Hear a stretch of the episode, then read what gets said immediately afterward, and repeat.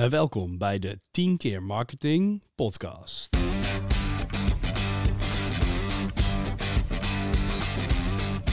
En welkom bij 10 Agency. In de studio beschikken we elke week één vraag over marketing. Dat doen we met een expert van 10. En in 10 minuten ben jij dan helemaal op de hoogte en zorg je ervoor dat je bij je volgende marketingoverleg goed voor de dag komt. Dit is de 10 keer marketing podcast.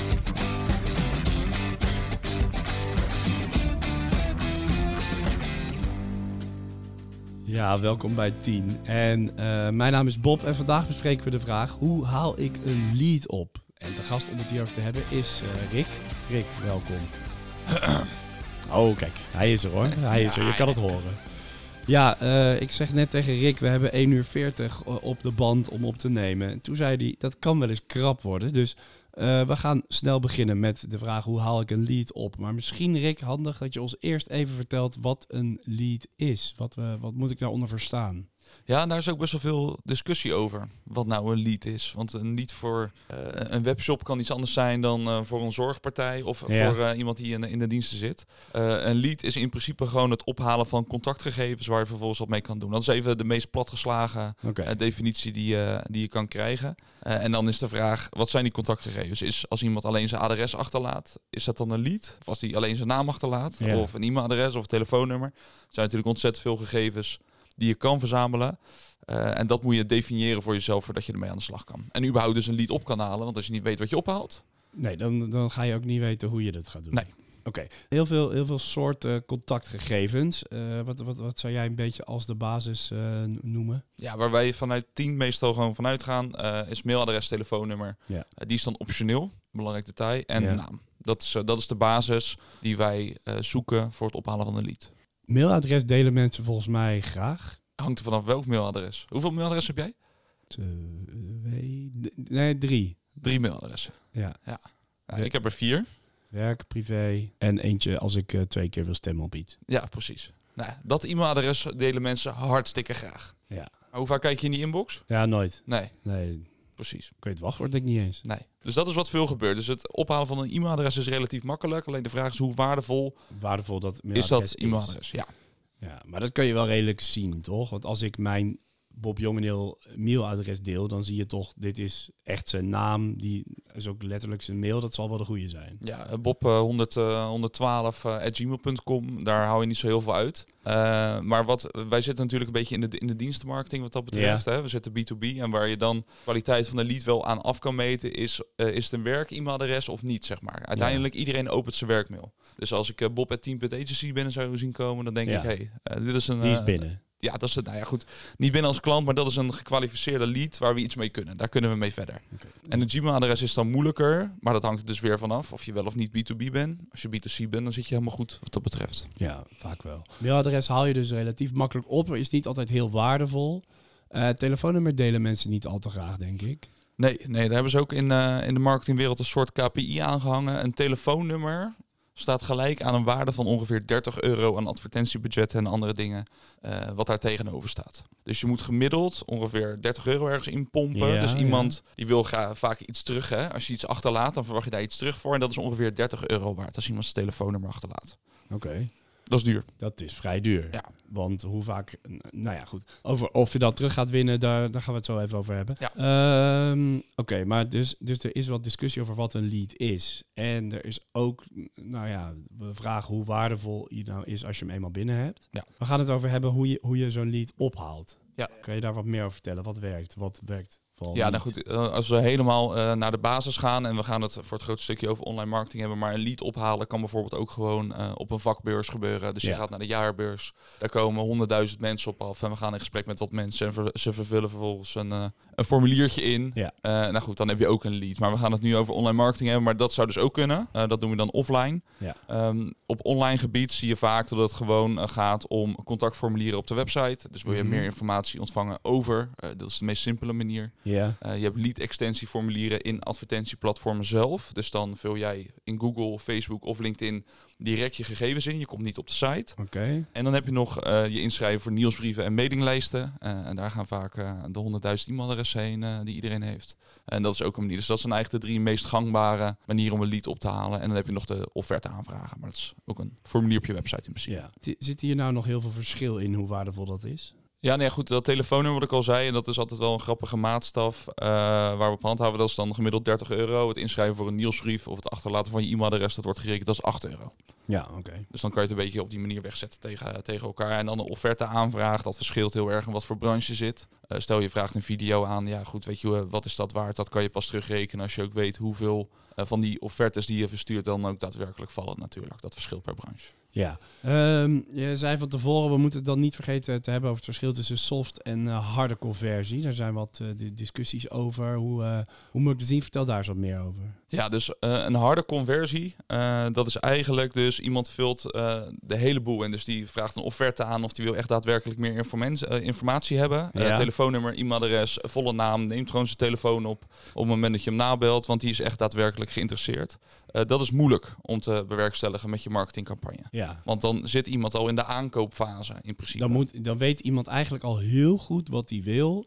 En misschien ook wel eigenlijk dat hij het bij jou wil. Ja, en je ziet het ook wel regelmatig voortkomen uit bijvoorbeeld zoekwoordadvertenties op Google. Ja. Daar iemand die zoekt dan letterlijk op uh, schoenen kopen of uh, videoproductie bestellen. Ze weten al dat ze het willen en ze zijn daadwerkelijk op zoek naar een prijs of meer informatie ja. van een specifiek bedrijf. Ze zitten verder in de aankoopfase. Dat is een harde conversie. Een soft conversie, uh, die stel je vaak in op het moment dat de harde conversies wat stroef lopen, omdat dat een grote stap is. En dat zou gewoon een meer informatie aanvraag kunnen zijn door je te abonneren op de nieuwsbrief of door het downloaden van een PDF-document waar meer informatie in staat. Dus ze willen eigenlijk niet direct contact. Nee. Maar ze hebben wel die 8 euro, even gek gezegd, voor, voor dat e-mailadres, die hebben ze er wel over om meer informatie op te halen via je bedrijf. En dan is het wel een conversie, dus het is een lead. Ja. Maar die is wat zachter en wat minder rijp om uh, nou goed op je salesafdeling uh, erachter te zetten. En dan noem je het een soft conversie. Die ga je niet allemaal een product verkopen. Nee, en misschien zelfs helemaal niet, want dan, ze willen alleen meer informatie en uh, dan is het niks. En vaak doen ze dat nog bij drie, vier verschillende partijen. Uh, okay. En wordt het weer doorgestuurd naar een collega, dus dat is wat lastiger. Maar wel lekker om te hebben, omdat je op die manier uh, kan optimaliseren met je advertenties voor conversie. Dat maakt yeah. het beter. want het algoritme van Google die stuurt daarop. Uh, dus daar kan het voor helpen. Plus dat je, als je een e-mailadres binnen hebt, heb je meer dan als iemand gewoon wegklikt natuurlijk. Als ik veel soft conversies ophaal, wordt dan de kans groter dat ik ook harde conversies ga ophalen? Is dat een beetje hoe ik het moet zien? Ja, zeker. Want als je een soft conversie bent, stel je schrijf je in voor de nieuwsbrief. Ja. Um, nou goed, na twee, drie keer een nieuwsbrief ontvangen, dan ben je misschien nog niet rijp. Maar je krijgt ook constant meer informatie. Je bent ja. dichter bij uh, die first party cookies ook natuurlijk. Mm -hmm. je hebt dan gewoon uh, de informatie van die mensen. en dus kan je ze makkelijker bereiken. Je hoeft er niet opnieuw advertentiebudget in te stoppen. En je kan ze op die manier gewoon eruit filteren en mee aan de slag blijven gaan. En dan kan het zomaar zijn dat na zes maanden en zes nieuwsbrieven verder uh, je de juiste snaar raakt. Juist, of iemand wel toe is juist. aan die aankoop. En dan zit jij top of mind en dan ben je er. Dus Ja, het is een stap dichterbij. Je doet natuurlijk ook niet, niet elke keer hetzelfde. Dus het kan heel goed dat iemand met zo'n soft conversie gewoon geïnteresseerd is in het, ja, eh, hè, eh, het grotere plaatje. En dat je de, de plek waar, die, waar je die kan pakken, die, die moet nog komen. Ja, precies. Dus als we het heel gek zeggen, stel eh, je hebt het over een, eh, een bedrijf wat laadpalen, je bent in- geïnteresseerd in een laadpaal. Ja. Je denkt, nou, over zes maanden komt mij een elektrische auto aan. Ik ga alvast even kijken hoe het zit met het aanleggen van laadpalen voor mijn kantoor. Juist. Ja. Nou, dan ga je nog geen laadpaal aanschaffen, want je hebt die auto nog niet. Dus dan Nee. denk je, nou, ik ga nog even wachten met die paar duizend euro voor die laadpaal. Maar je wil wel meer informatie. Dus je zit in die flow, je krijgt af en toe wat opgestuurd. Ja. En dan denk je na zes maanden, oh, ik moet bij Pietje Puk zijn. Want die heeft al vier keer aangetoond dat hij expert is. En nu ga ik hem daar bestellen. Dus dan ben je rijp voor die aankoop. En eh, moet ik het dan ook, ook zo zien dat je eh, door goede nieuwsbrieven te houden, dat je dit soort soft conversies echt binnen kan blijven houden. En dat ze op een gegeven moment een keer wat opleveren. Ja, zeker. En het hoeven niet alleen nieuwsbrieven te zijn. Dus die versturen bedrijven vaak maandelijks. Maar je kan ook een automation inrichten. En dat betekent, eh, ik wil meer informatie over eh, laadpalen bijvoorbeeld. Ja. Eh, en dan krijg je daarna nog gestandaardiseerd drie mails eh, met meer informatie, steeds iets verdieping. En dan uiteindelijk een call to action met laat nu je telefoonnummer achter. Dan Ja. bellen we je op en dan wordt het een harde conversie. Dus dat kan ook nog om dat langzaam te verschuiven daarin. Goed, als we even teruggaan naar de vraag, hoe haal ik een lead op? Ehm, ik denk dat wat we vandaag hebben besproken, dat vooral belangrijk is om, om mensen erbij te houden.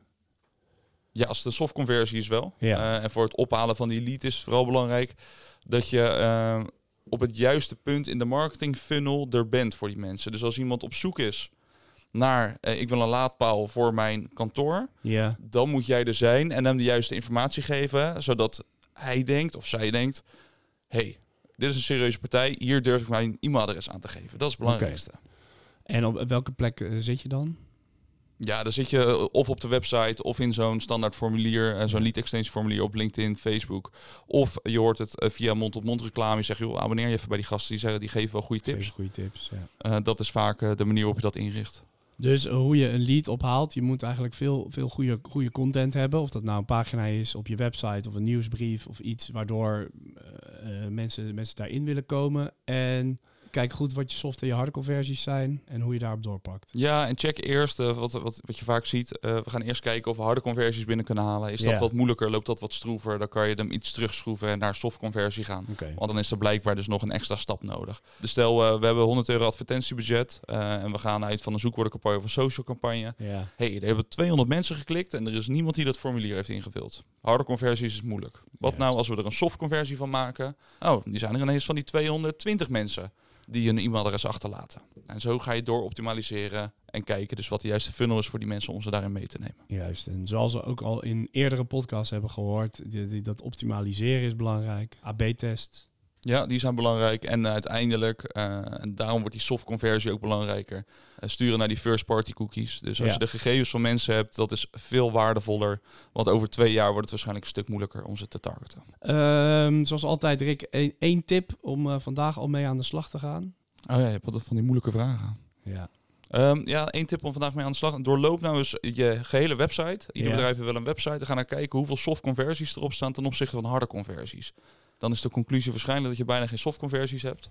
En ga dan eens kijken of je daarin zou kunnen laveren en schuiven om eh, te kijken of je meer eh, data op kan halen van mensen. Juist. Nou, eh, ga daar vooral al mee aan de slag. Dit was de 10 keer marketing podcast voor deze week. Rick, dankjewel. Ja, bedankt. En jij bedankt voor het luisteren. Succes alvast met je nieuwe inzichten. En wil je nu meer weten? Kijk dan in de show notes of op 10.agency. Daar vind je veel meer informatie over marketing en alles waar 10 jou bij kan ondersteunen. Heb je nu zelf een vraag over marketing? Mail ons dan via het mailadres in de show notes. En wie weet gaat de volgende 10 keer marketing wel over jouw vraag. Tot volgende week.